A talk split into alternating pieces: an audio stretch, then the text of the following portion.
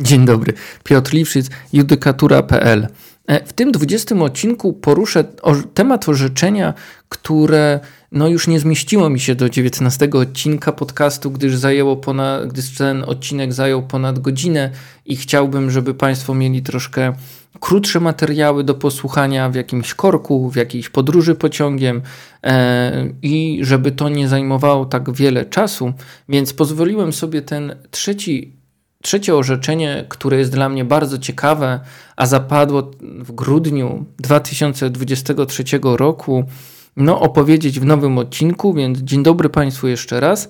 E, to orzeczenie, które dzisiaj mm, poruszę, jego wnioski, e, to co według mnie jest ważne dla administratorów danych, ale także dla inspektorów ochrony danych, a szczególnie dla osób, które, e, no, których praca polega na e, pisaniu skarg do WSA czy pisaniu skarg kasacyjnych do NSA w zakresie no, mm, skarżenia aktu administracyjnego wydanego przez prezesa Urzędu Ochrony Danych Osobowych. Szanowni Państwo, na tapecie mamy orzeczenie Trybunału Sprawiedliwości w sprawie C340 łamane na 21 z 14 grudnia 2023 roku, ta sprawa, czy to orzeczenie, może tak lepiej powiem, porusza cztery podstawowe dla mnie artykuły e, RODO związane z kwestią bezpieczeństwa przetwarzania danych osobowych. Po pierwsze mamy poruszony artykuł 5 ust. 1 litera F, czyli tą zasadę integralności e, i poufności danych osobowych. Ona jest bardzo często wskazywana w komparycji aktu administracyjnego prezesa Urzędu Ochrony Danych Osobowych jako to, ta, ta, ten, ta podstawa w zakresie której no, doszło do jakiegoś e, błędnego działania administratora danych. Drugim przepisem, o którym tutaj, którego interpretację pokazał nam Trybunał w tym wyroku, jest, proszę Państwa, zasada dotycząca obowiązków administratora, czyli e, wdrożenia odpowiednich polityk ochrony danych, o ile jest to proporcjonalne, a przede wszystkim no, y, wdrożenie, proszę Państwa, odpowiednich środków technicznych i organizacyjnych, aby y, przetwarzanie odbywało się zgodnie z RODO, no i żebyśmy mogli to wykazać. Po trzecie, y, orzeczenie to dotyczy artykułu 32, a więc mantry inspektora ochrony danych, mantry, proszę Państwa, działów IT, analizy ryzyka, przetwarzaniu danych osobowych. No mamy tutaj w tym artykule 32, no nie będę go czytał, żeby Państwa nie zanudzić, no ale ważne jest to na pewno, że wskazuje on nam, administratorom danych tak naprawdę, no elementy, które trzeba uwzględnić w tym, aby dobrać e, no, odpowiednie, jak to zwykle bardzo trudne słowo i wygodne dla, administra dla prezesa Urzędu Ochrony Danych Osobowych, bo w decyzji administracyjnej można powiedzieć, że te środki techniczne i organizacyjne nie są odpowiednie. No i proszę Państwa, mamy już e, no, niby sprawę e, wyjaśnioną, to znaczy tutaj się oczywiście no, uśmiecham, no bo wiemy, że e, tak nie jest. To, co jest jeszcze ważne i to, co bym chciał jeszcze Państwu opowiedzieć, mm, no to tu będzie czwarty artykuł, którego dotyczy ta sprawa. To jest artykuł, proszę Państwa, 82, czyli mówiący o zadośćuczynieniu za krzywdę. E, tutaj jest kwestia, tak jak e, świetnie nam znana, proszę Państwa, kwestia mm, tego, czy no, samo naruszenie samo naruszenie przepisów mm, wystarczy czy nie wystarczy e, do przyznania e, zadośćuczynienia e, czy odszkodowania, to zależy w jakim prawie mówimy, to mm, tutaj ja powiem tak, najmniej do tego przepisu dzisiaj się odniosę. On mnie dzisiaj najmniej interesuje z tego względu, że no, mamy bardzo ciekawy bardzo ciekawe kwestie techniczne. Ja opowiem Państwu o e, tym, jak Trybunał Sprawiedliwości rozumie czy interpretuje artykuł 24 i 32. To jest dla mnie dzisiaj e, kluczem spotkania. No, ale przechodząc jakby do mm, stanu faktycznego, no to na pewno słyszą Państwo w tle kartki e, i, i tutaj na pewno będą Państwo je słyszeli jeszcze wiele razy, bo no, e, nie mówię z głowy i żeby mieli Państwo świadomość, chcę cytować orzeczenie CUE, fragmenty, konkretne punkty, po to, aby mieli Państwo świadomość, na jakim poziomie skrupulatności czy zaangażowania Trybunał opowiada o pewnych kwestiach. E, i opowiem też, e, czy, czy wskazując konkretne paragrafy z tego orzeczenia, czy z innego, które też poruszę, no jest nam łatwiej się porozumieć. No i mam nadzieję też, że e, to orzeczenie wywrze ogromny wpływ na działanie sądów administracyjnych, które dostają e, skargi czy skargi kasacyjne od aktów administracyjnych prezesa UODO, bo no, jest tutaj poruszony bardzo mocno odcinek, może to brzydkie słowo, no ale temat e, sądowej kontroli e, czy, czy sądowego zakresu oceny tego, co zrobił, co wdrożył administrator. Ale przechodząc jeszcze raz, tak brzydko mówiąc, do początku, no to tutaj Państwu opowiem o tym, że mm, sprawa dotyczy obywatela o pseudonimie czy o skrótach WB. Mm, on, proszę Państwa, sprawa jest przeciwko też oczywiście E, administratorowi danych, a więc e, no po bułgarsku nie dam rady tego przeczytać, ale mogę się domyślić, że jest to jakiegoś rodzaju urząd skarbowy, a może nawet Krajowa Administracja Skarbowa, e, bo jest proszę Państwa przeciwko NAP.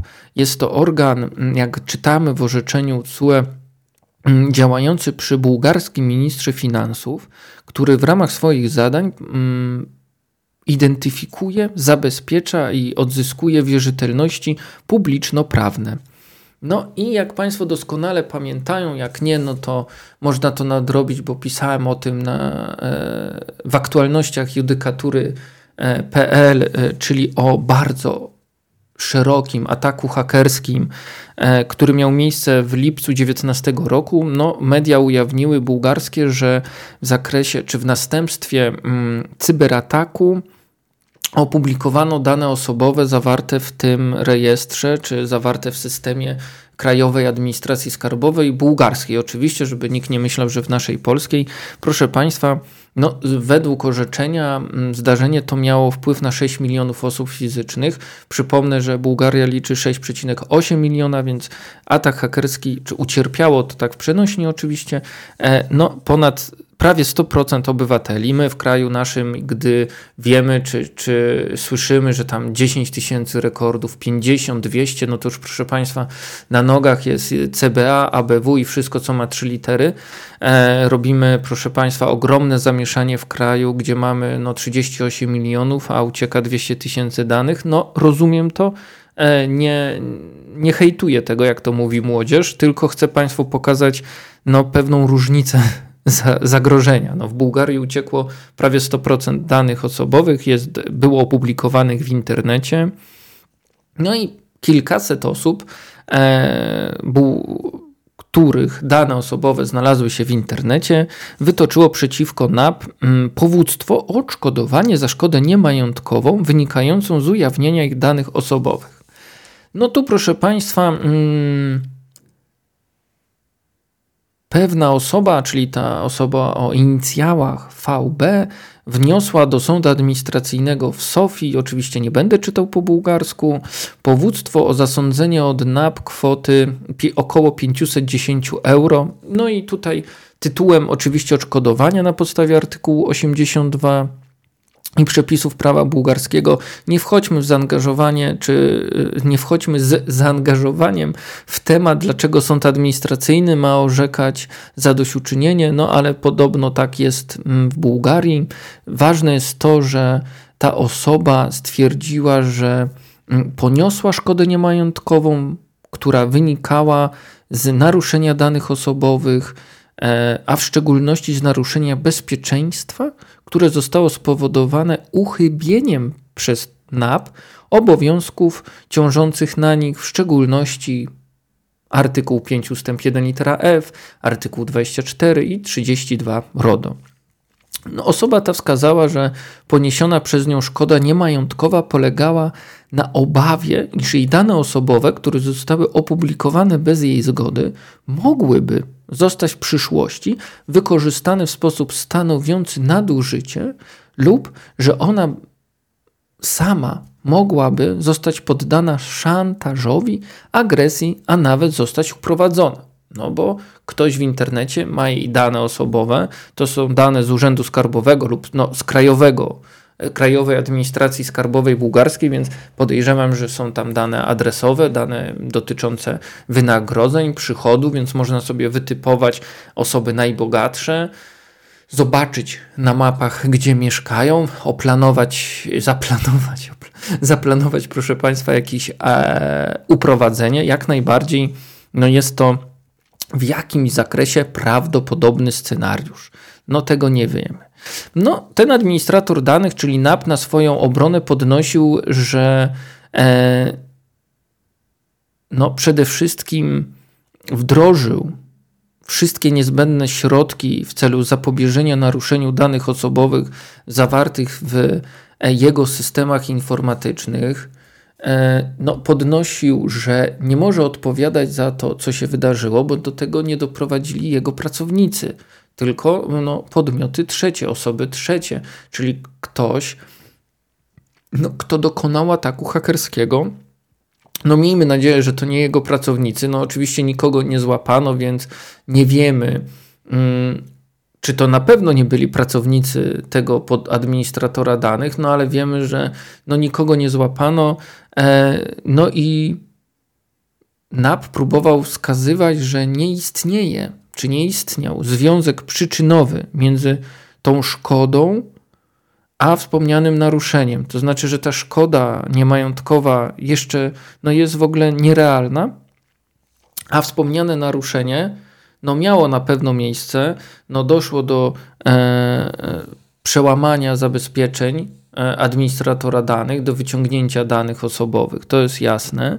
Wreszcie NAP podnosił, że e, ze względu na to, iż sam był ofiarą nieprzychylnych działań ze stron, które nie były jego pracownikami, no nie może on zostać pociągnięty do odpowiedzialności za szkodliwe skutki tu chodziło o to, że ofiarą, no to zapewne administrator danych mówił, że no tak jak y, wobec niego jako podmiotu też dochodziło zapewne do prób okupu, szantażu.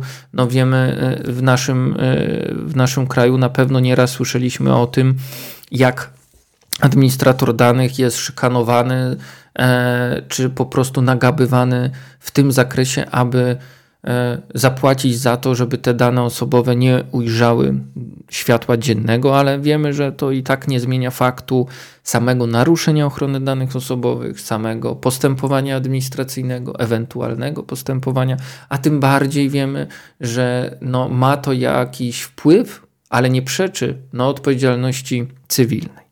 No, wiemy też, proszę Państwa, z tego opisu stanu faktycznego, że w listopadzie 2020 roku E, wyrokiem sądu administracyjnego oddalono powództwo skarżącej no, z taką argumentacją, że po pierwsze, nieuprawniony dostęp do bazy danych NAP wynikał z ataku hakerskiego, czyli działania osób trzecich.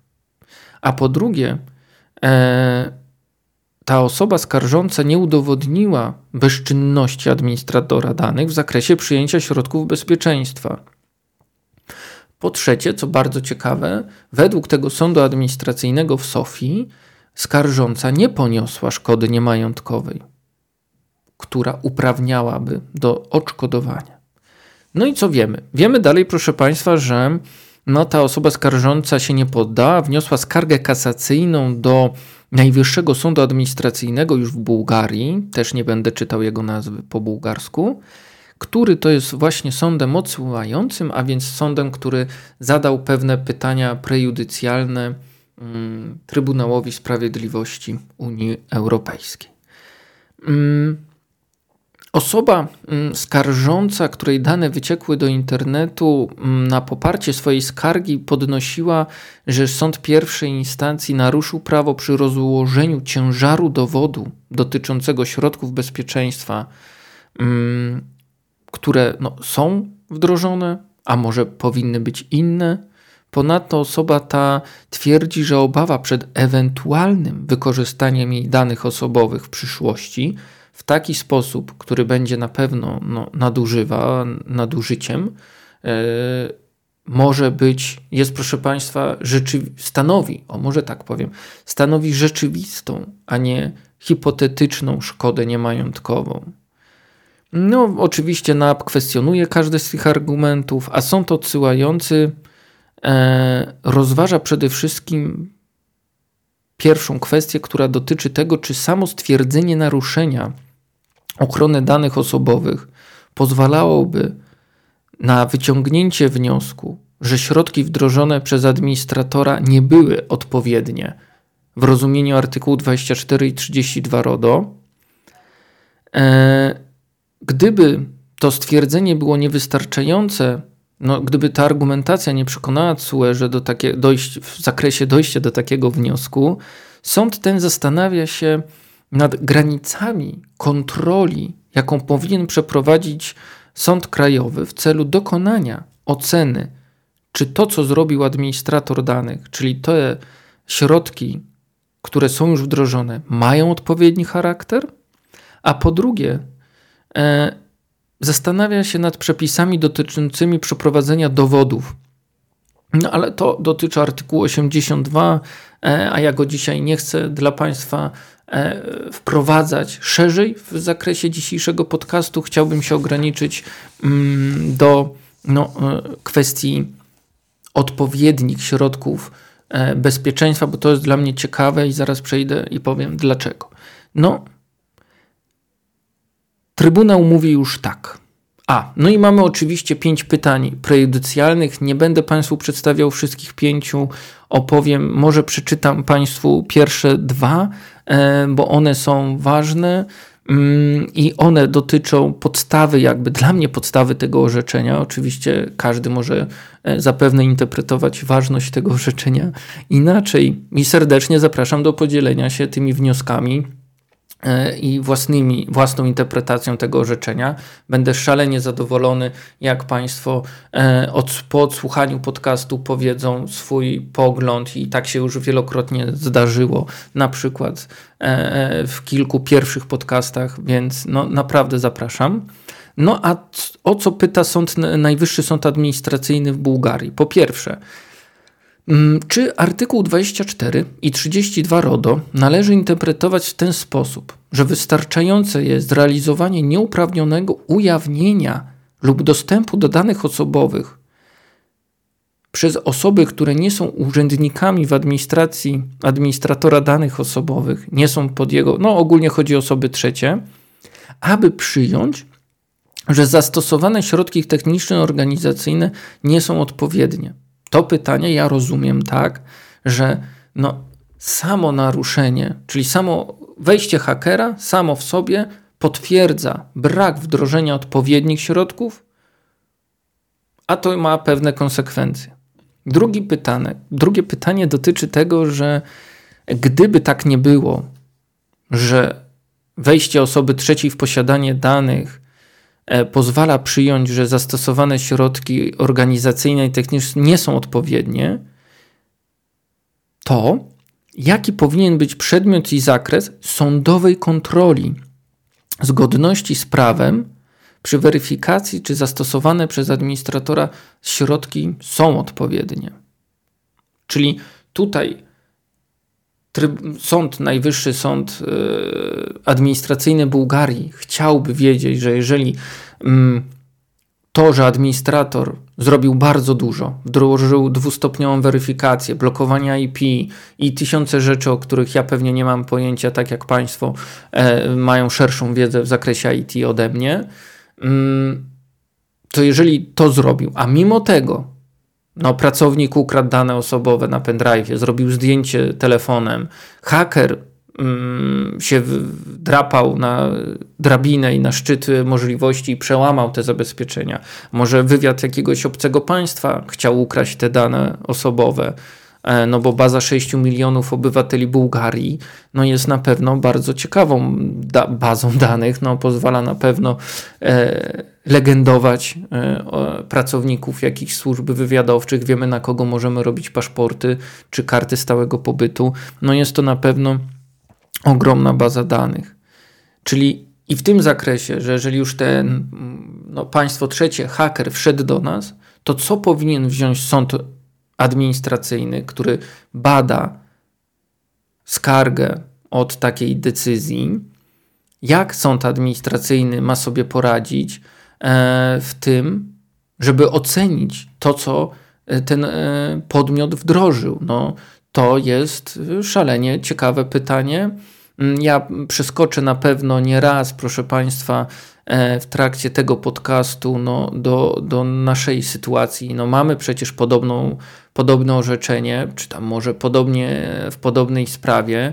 No, y, polecam Państwu orzeczenie Naczelnego Sądu Administracyjnego z 9 lutego 2023 roku w sprawie 3 OSK 3945 łamane na 21. Tak, to jest proszę Państwa sprawa E, dotycząca Moreli. To jest sprawa dotycząca biegłego w postępowaniu i tu też Państwu o tym opowiem. No ale w tej sprawie Moreli wiemy, co powiedział Naczelny Sąd Administracyjny, no i zachowam to na odpowiedni moment, żeby nie przekazać od razu spoilera, jak się to mówi w filmach. E... Więc mamy dwa pytania. Mamy dwa pytania. Przejdźmy do tego, co powiedział sąd.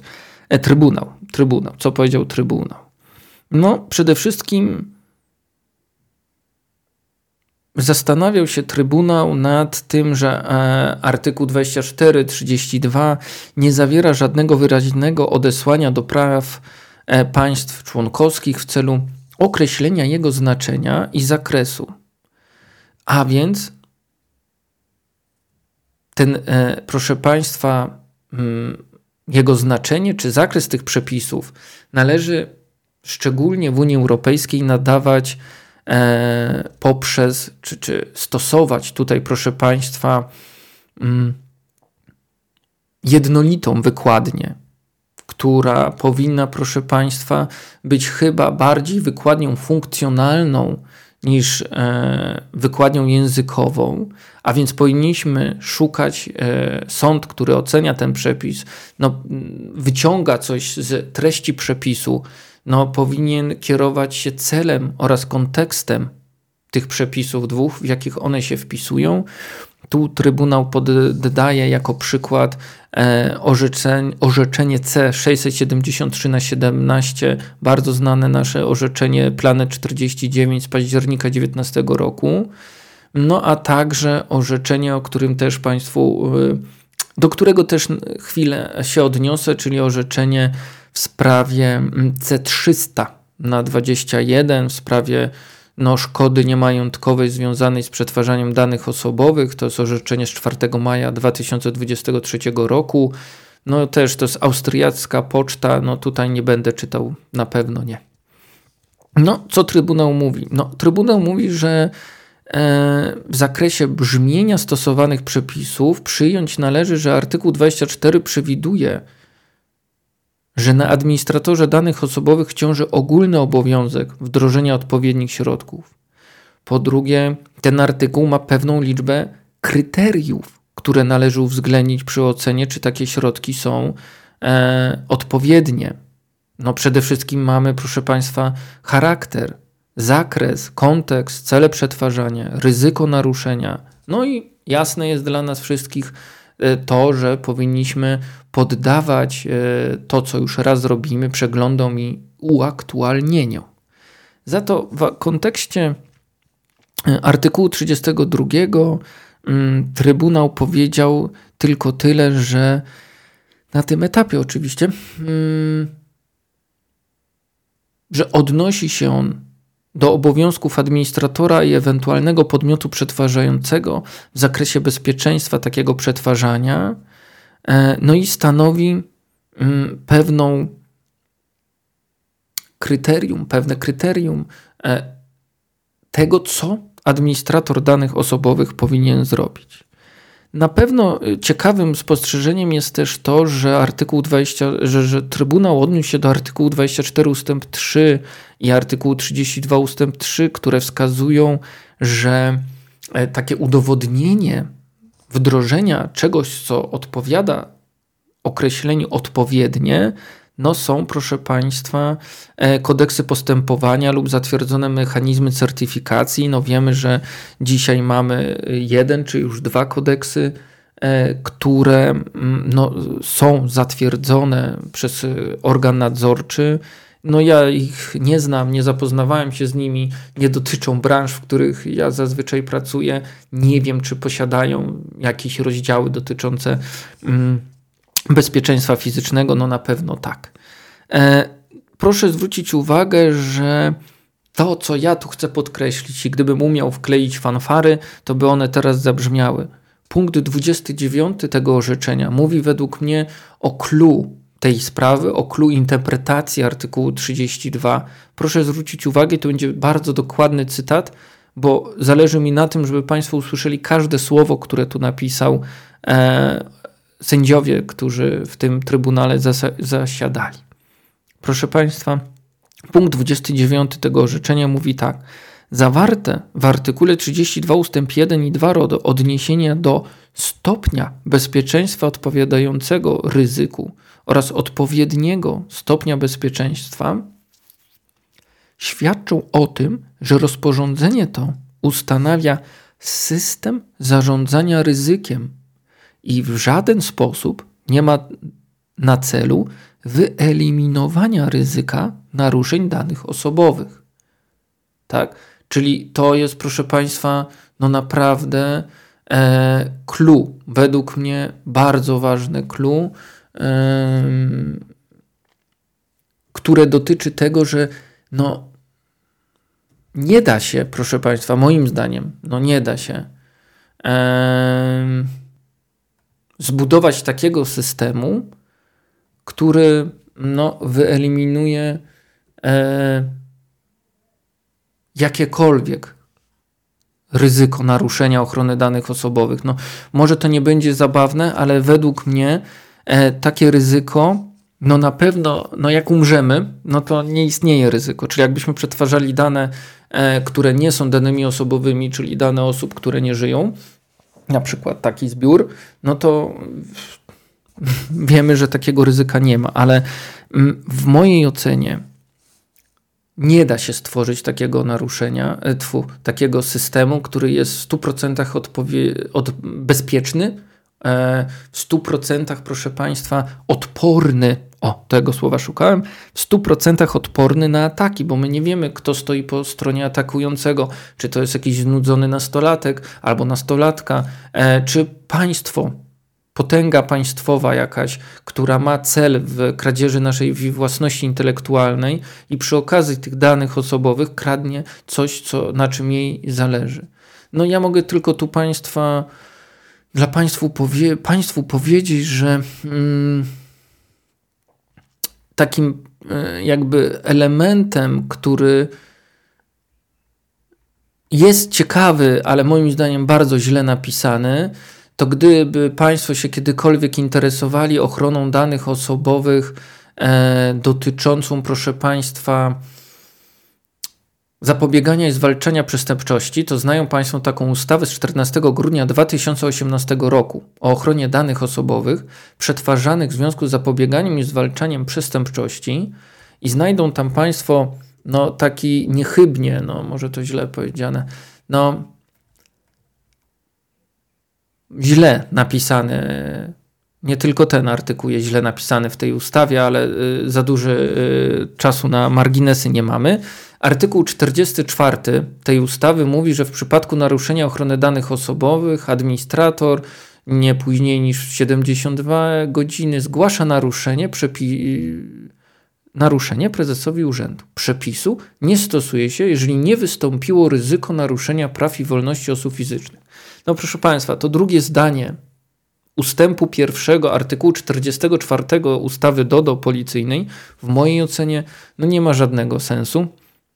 bo ryzyko jest e, e, stałym elementem naszego życia. Jak umieramy, nie ma ryzyka. No ale wracając do tego punktu 29 wyroku TSUE w sprawie C340 na 21, no to na pewno podkreślę, że według TSUE nie możemy o, wymagać od organu, od administratora danych osobowych tego, aby wyeliminował ryzyko naruszeń danych osobowych. Trybunał idzie dalej i w punkcie 30 mówi, że z przepisów, czyli artykuł 2432, wynika zatem,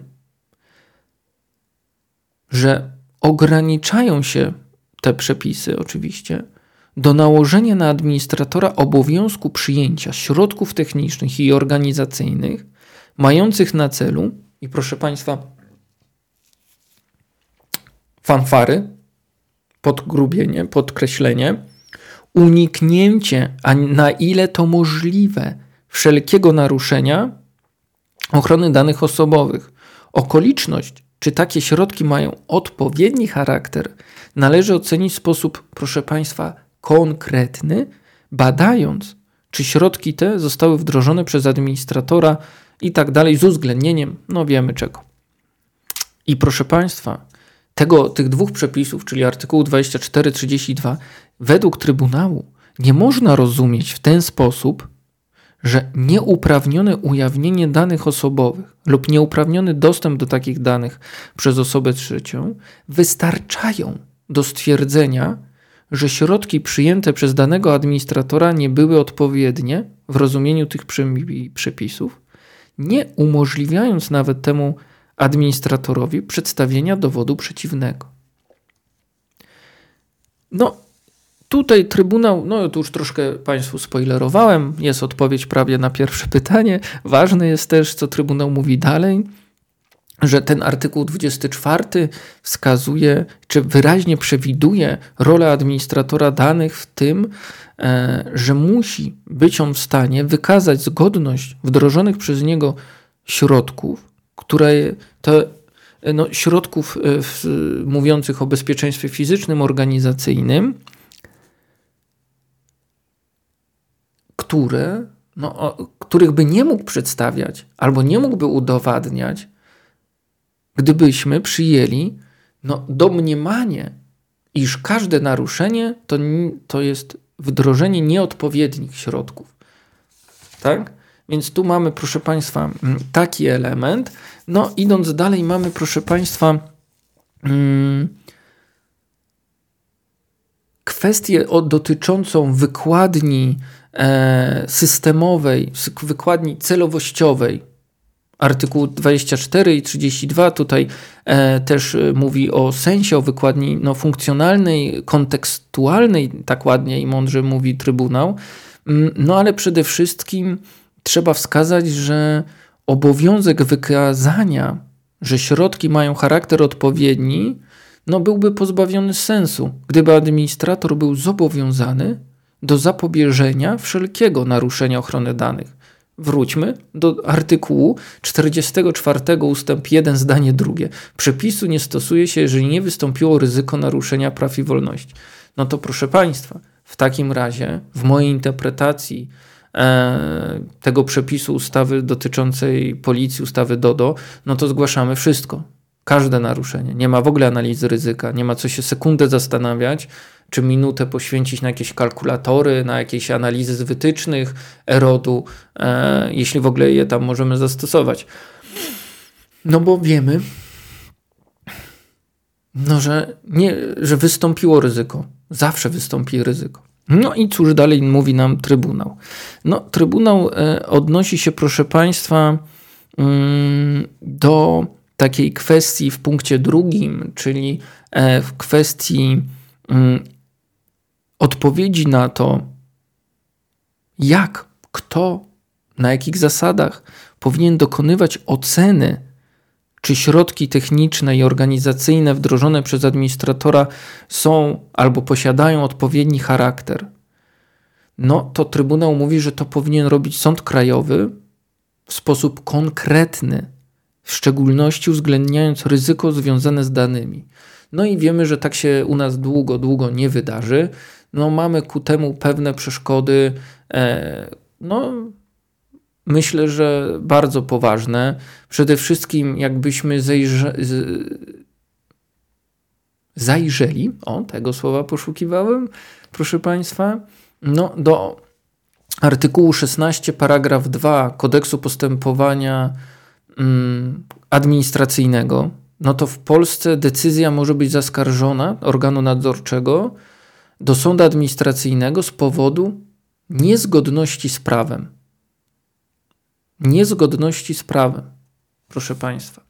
A gdybyśmy zajrzeli też, proszę Państwa, e, do takiej ustawy, która się nazywa e, Prawo o postępowaniu przed sądami administracyjnymi, i tam odnaleźli e, artykuł, proszę Państwa, już pokazuję 145, to mielibyśmy, proszę Państwa, no wskazane w artykule 145, paragraf 1, punkt 1, mamy trzy literki w których, czy trzy powody, w których sąd, uwzględniając skargę na naszą decyzję, na naszą w sensie dotyczącą administratora danych, a wydaną przez organ nadzorczy, uchylić może tą decyzję w całości albo w części, to nieistotne, jeśli, proszę Państwa, no stwierdzi naruszenie prawa materialnego, które miało wpływ na wynik sprawy, naruszenie w literce B, naruszenie prawa dające podstawy do wznowienia postępowania administracyjnego, w literce C inne naruszenie przepisów postępowania, jeżeli mogło ono mieć istotny wpływ na wynik sprawy. Nas interesuje naruszenie prawa materialnego. Hmm. Trybunał pokazuje tutaj sądowi, każdemu sądowi według mnie krajowemu, że e, są dwa etapy w których powinien mm, sąd zadziałać. Po pierwsze, proszę Państwa, artykuł 32 ustęp 1 wskazuje na okoliczności, w których środki techniczne i organizacyjne mają odpowiedni charakter. Po pierwsze, według Trybunału należy zidentyfikować ryzyko naruszenia ochrony danych osobowych wynikające z danego przetwarzania oraz jego ewentualne konsekwencje dla praw i wolności osób fizycznych, no i tej oceny należy dokonywać w sposób konkretny, proszę Państwa, z uwzględnieniem prawdopodobieństwa zidentyfikowanego ryzyka i stopnia jego powagi. To robi sąd, proszę Państwa, tak? W naszym polskim postępowaniu administracyjnym. Po drugie, znaczy tak, tak by chciał, słuchaj, po drugie, należy sprawdzić, czy środki wdrożone przez administratora odpowiadają temu ryzyku, biorąc pod uwagę stan wiedzy, koszty wdrożenia, a także charakter, zakres, konkres i kontekst i cele tego przetwarzania. Czyli, żeby powiedzieć, że coś jest nieodpowiednie, to musimy wiedzieć, jakie środki wdrożono i jakiemu ryzyku one miały zapobiec. Nie miały zapobiec wszystkiemu nie miały, proszę Państwa, zabetonować i zacementować tych danych osobowych. No miały one, te środki, dokonać no, pewnego odcięcia wypływu na przykład danych osobowych, ze skopiowania danych, ich podsłuchania, no do pewnego poziomu.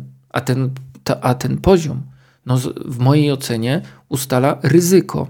No ale proszę Państwa, co jest ciekawe, Mm, mm, dalej, no, e, dalej są rozważania Trybunału dotyczące mm, odesłania na odesłania jakby do artykułu 79 RODO, czyli tej możliwości dotyczącego skutecznego, czy tam może lepiej powiem, prawa do skutecznego środka ochrony prawnej przed sądem względem administratora, czyli administrator powinien mieć prawo, po pierwsze, do wykluczenia, domniemania, połączenia dwóch czynności, a więc naruszenie ochrony danych, no to nie są odpowiednie środki, bo gdyby były odpowiednie, nie byłoby naruszenia. Tak Trybunał nie powiedział. Trybunał jest przeciwnego zdania, że nie możemy tak uznać, że nie może być takiego domniemania że no, przeczy temu no, przede wszystkim no, ta e, wykładnia funkcjonalna. No i funkcjonalna tych dwóch przepisów, miejsce, w którym one się znajdują w treści rozporządzenia, a przede wszystkim funkcje, jakie one pełnią, te przepisy oczywiście. No i to, co e, tutaj jeszcze bym chciał powiedzieć, no to to, że mm, Trybunał rozpro, rozprasza, też to e, rozdziela, może takie lepsze słowo, no to działanie sądu poprzez, proszę Państwa, wprost mówiąc, że takie badanie tych dwóch etapów, znaczy badanie odpowiednich środków mm, po, podzielone na dwa etapy, wymaga przeprowadzenia konkretnej analizy zarówno charakteru, jak i treści środków wdrożonych przez administratora. No i proszę Państwa, to co jest jeszcze ważne, to jest proszę Państwa e, ten element dotyczący mm, no przede wszystkim elementów związanych z ciężarem udowodnienia. Tak? E, tutaj Trybunał mówi, że z brzmienia przepisów, o których dzisiaj Państwu opowiadam, czyli artykuł 5 ust. 2, artykuł 24 ust. 1, artykuł 32 ust. 1, wynika, że ciężar udowodnienia, iż dane osobowe są przetwarzane w sposób zapewniający odpowiednie bezpieczeństwo, które zostało zdefiniowane i zarówno, w, e, zarówno bez i, zarówno w artykule 5 ust. 1 litera F RODO, jak i w artykule 32 spoczywa na administratorze. Tak? I wiemy tutaj oczywiście, no, że tak jest. No, mamy tutaj e, bardzo ciekawe odniesienie do orzeczenia C252 na 21. To jest orzeczenie z 4 lipca 2023 dotyczące Meta Platforms. E, no i mm, współdziałania artykułu 26, artykuł 30 Czyli tu chodziło o, proszę Państwa, naruszenie przez Meta Platform, tak twierdził organ nadzorczy, naruszenie, no, brak było pewnych uzgodnień w umowie współadministrowania, były problemy z wypełnieniem rejestru czynności, no i że samo w sobie to nie stanowi naruszenia, które pozwala, proszę Państwa, do dokonywania pewnych czynności. No ale wracając jakby do naszej sprawy, to no, końcowo, bo zbliżamy się do końca, no, chciałbym odes pokazać, jak to u nas wygląda, e, czyli no, przede wszystkim pokazać Państwu punkt widzenia mm, polskiego sądownictwa, czyli mamy tutaj to orzeczenie, o którym powiedziałem w sprawie Moreli, które zapadło, proszę Państwa, 9 lutego 2023 roku, w którym Naczelny Sąd Administracyjny zrobił, no, wyprowadził walet na drogę, a na tej drodze znajdował się nie tylko orzeczenie Wojewódzkiego Sądu Administracyjnego w Warszawie z 3 września 2020 roku, ale proszę Państwa, na tej drodze znajdowała się też sama decyzja, tak, sama decyzja mm, prezesa Urzędu Ochrony Danych, która, proszę Państwa, no, została wydana 10 września 2019 roku Niestety wszystko ten walec rozjechał. Mamy pustą szachownicę. Dlaczego? Albo może powiem inaczej. Dwie tezy Naczelnego Sądu Administracyjnego wpisują się w to, co zaraz powiem o Trybunale Sprawiedliwości, a bardziej o tym orzeczeniu, znaczy o, o samej sentencji sprawy o której dzisiaj Państwu opowiadałem, czyli C340 na 21. Naczelny Sąd Administracyjny w swoim orzeczeniu powiedział, proszę Państwa, tak, że sankcji administracyjnej za naruszenie obowiązków wskazanych w artykule 32 RODO podlega nie ten, kto jako administrator albo podmiot przetwarzający dopuścił do nieuprawnionego przetwarzania danych osobowych, a tylko podmiot, który nie dochował odpowiedniego w danych okolicznościach standardu środków bezpieczeństwa. No a po drugie, sąd tutaj powiedział już tak na marginesie, że oczywiście kodeks postępowania administracyjnego nie przewiduje wprost prawa do obrony, to jednak pewne działania, które powinny się na to prawo składać, można wywieść z artykułu 10 KPA, KPA oraz e, z takich działań pozwalających czy na odpowiednim stosowaniu, może tak powiem, odpowiednim stosowaniu artykułu 78 KPA. On ma na myśli ten artykuł oczywiście biegłego i pracę biegłego i te wiadomości specjalne. No i proszę Państwa, to się wpisuje mm, w tok myślenia Trybunału Sprawiedliwości Unii Europejskiej, bo proszę posłuchać, co powiedział Trybunał. Trybunał e, orzekł, proszę Państwa, w punkcie pierwszym, że artykuł 24 i 32 RODO należy interpretować tak, proszę Państwa, bardzo podobnie do tego, co powiedział Naczelny Sąd Administracyjny.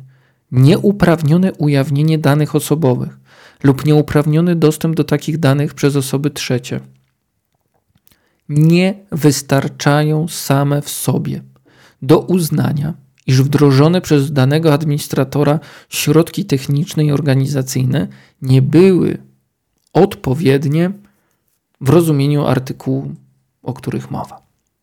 No to mamy, proszę Państwa, sukces. Sukces w sensie administratorzy danych mają sukces, bo to nie, bo upadło no takie mm, potoczne może, bo nikt tego chyba na poważnie nie mówił. E, domniemanie, że no, naruszenie, dostęp do danych, nieuprawniony dostęp do danych, to naruszenie tych środków, a po drugie, no bardzo ważne dla naszych postępowań, mm, to to, że artykuł 32 RODO należy interpretować w ten sposób, że sądy krajowe powinny dokonywać w sposób konkretny, w szczególności uwzględniając ryzyko związane z danymi, danym przetwarzaniem oraz ustalając, czyli sądy mają ustalać, czy charakter, istota i wdrożenia środków technicznych organizacyjnych są, proszę Państwa, dostosowane do ryzyka. Czyli musimy wiedzieć, co chcemy chronić, dlaczego to chcemy chronić, co nam zagraża, no i do tego dobieramy odpowiednie środki techniczne, organizacyjne. No i w trzecim, w czwartym punkcie tego orzeczenia, bo jeszcze zostało kilka, no to proszę Państwa, artykuł 32 e, RODO oraz zasadę skuteczności prawa Unii Europejskiej. Bardzo ważny jest ten element, bo tutaj sąd mówi tak, że te dwa elementy, a więc artykuł 32 RODO i zasadę skuteczności prawa, interpretujemy w ten sposób, że ocena czy środki bezpieczeństwa wdrożone przez administratora na podstawie artykułu 32 RODO mają odpowiedni charakter, opinia biegłego sądowego nie może systematycznie stanowić niezbędnego i wystarczającego środka dowodowego no to tutaj gdybyśmy mieli drugie 50 minut, no to byśmy mogli opowiadać o artykule 6, artykule 8. E, no, bardzo ważne są rzeczy związane z mm, prawem do sądu i tym, jak je rozumiemy, czy w kontekście artykułu 79 RODO, czy po prostu w, kostek- w kontekście prawa do sądu, czyli Trybunał powiedział wprost: Nie możesz, sądzie, używać opinii biegłego jako niezbędnej i wystarczającej, wystarczającego, niezbędnego elementu czy środka dowodowego. Czyli to nie jest tak, że w każdej z tych spraw musi powstać opinia biegłego, a jeżeli powstanie, no to ona już jest wystarczająca. Nie sądzie. Ty jesteś sądem, więc się musisz pochylić nad tym, ocenić. No i wiemy, jak to się zapewne skończy. E, ja Państwu. A, jeszcze bym chciał tylko jedną rzecz dodać, że tutaj na marginesie, tylko zupełnie na marginesie, powiem, że w tym orzeczeniu także e, CUE wskazał mm, w odniesieniu artykułu 82, tylko jedno zdanie powiem, że w tym orzeczeniu sąd mówi, że mm, obawa przed ewentualnym wykorzystaniem przez osoby trzecie w sposób stanowiący nadużycie jej danych osobowych, jaką żywi osoba, której dane dotyczy, może sama w sobie stanowić szkodę niemajątkową. No a w orzeczeniu, o którym już dzisiaj Państwu wspominałem, czyli C300 na 21, oczywiście jest inaczej. No i tutaj Trybunał wskazuje, że samo naruszenie przepisów tego rozporządzenia nie wystarcza do przyznania prawa do odszkodowania. I tym miłym akcentem na zegarze już wybiło ponad 50 minut, więc wskazuje, że e, tym miłym akcentem e, kończymy 20 odcinek e, podcastu judykatura.pl. Ja Państwa serdecznie zapraszam do zarejestrowania się do newslettera. E, przysyłam alerty orzecznicze za każdym razem, jak jest bardzo ważne orzeczenie, a co piątek wysyłam podsumowanie tygodnia, więc serdecznie zapraszam. Bardzo dziękuję. Do usłyszenia.